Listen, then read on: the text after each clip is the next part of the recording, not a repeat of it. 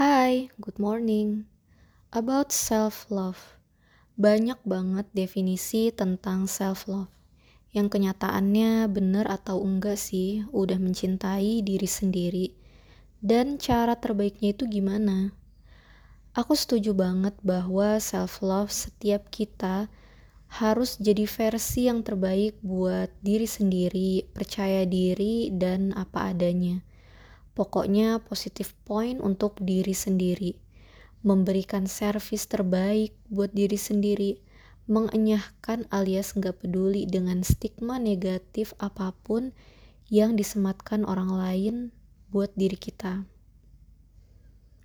Beberapa waktu lalu lihat video perubahan Ricky Cuaca. Udah tau dong, salah satu artis dengan komedinya yang dia uh, melakukan perbaikan berat badannya yang signifikan sampai orang-orang mungkin udah nggak kenal lagi kalau berpapasan kecuali kalau dengar suaranya. Itu memang khas banget.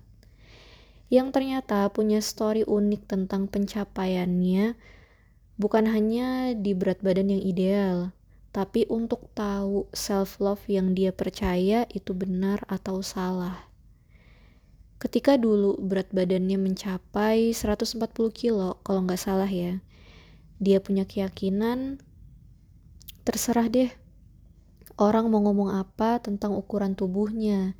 Yang penting ketika itu yang dia tahu saat karirnya memuncak, itu ya dia pasti senang-senang, bisa makan enak, dan melakukan apa pun yang dia suka tanpa memikirkan berat badannya dan pada akhirnya ya body shaming yang orang-orang lakuin ke dia yang awalnya dia berusaha biasa aja lama-lama kayak oh ternyata ada yang salah nih.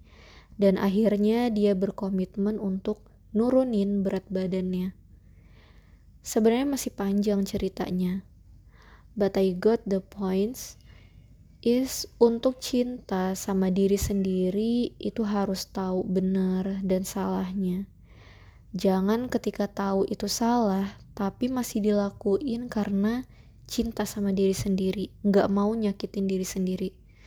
Sebenarnya konsepnya itu beda antara menyakitkan dan mengeluarkan effort atau usaha untuk berubah menjadi lebih baik. Misal nih, gaya hidup. Sekarang ini ya emang serba instan.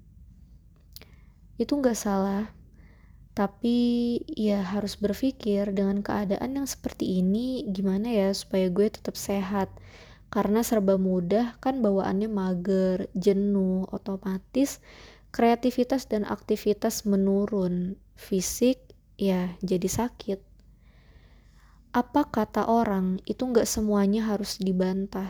Terkadang itulah cara mereka menyayangi kita dengan kata-kata yang kayaknya dia nggak sayang nih, benci nih, iri nih.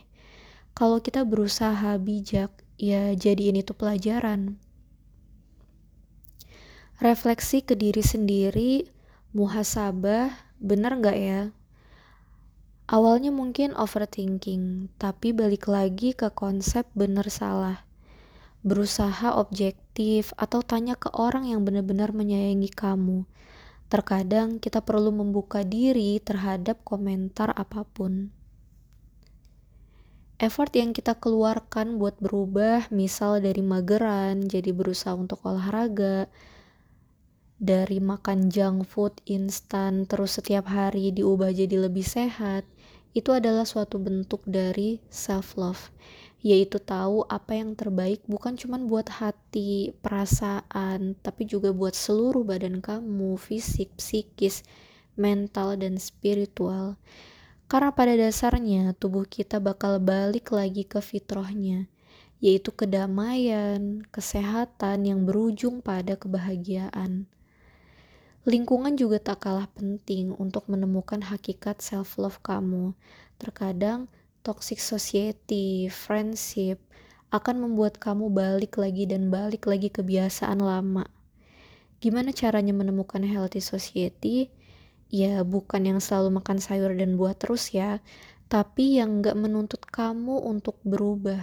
Tapi mereka selalu menerima dengan keadaan kamu saat ini, mengapresiasi atau peduli dengan perubahan kamu. Ketika itu baik, mereka ikut bahagia, Ketika buruk, mereka bakal mengingatkan dengan baik. banyak banget kok contoh atau role model orang-orang yang berusaha mencari self love terbaik mereka seperti apa. Dan kalaupun saat ini kamu masih dalam masa pencarian itu, coba deh lebih mendekat kepada Al-Quran dan belajar gimana cara Nabi Shallallahu Alaihi Wasallam berkehidupan alias sunah-sunahnya. Dari situ adalah hal yang paling mudah untuk menemukan benar dan salah, yang ngebedain pelajarin slow but sure. Dan itu bakal mengubah seluruh kehidupan kamu menjadi lebih baik, lebih mencintai diri sendiri pada akhirnya. Karena ternyata konsep self love bukan hanya dari cinta sama diri sendiri, melakukan yang terbaik menurut versi diri sendiri aja, tapi juga ketika melakukan hal-hal baik buat orang lain sekitarnya itu bakal ada kebahagiaan sendiri yang kamu rasain. Yap, pada akhirnya berubah itu memang sulit. Ya, pada dasarnya demikian. Butuh effort. Karena itulah sunnatullah alias ya udah kodratnya, udah alamiahnya berubah itu sulit. Tapi kalau itu udah jadi kebiasaan alias habits, effort bakal berubah jadi effortless everything will run automatically. Otomatis otak bakal memfilter this good or this bad for yourself sama seperti sistem komputer. Harus diprogram dalam pikiran bawah sadar kamu bahwa kamu harus lakuin ini dan itu. Slow but sure, mencintai diri sendiri salah satunya adalah mencintai proses. So, keep fighting, terus semangat for finding your real and best self-love.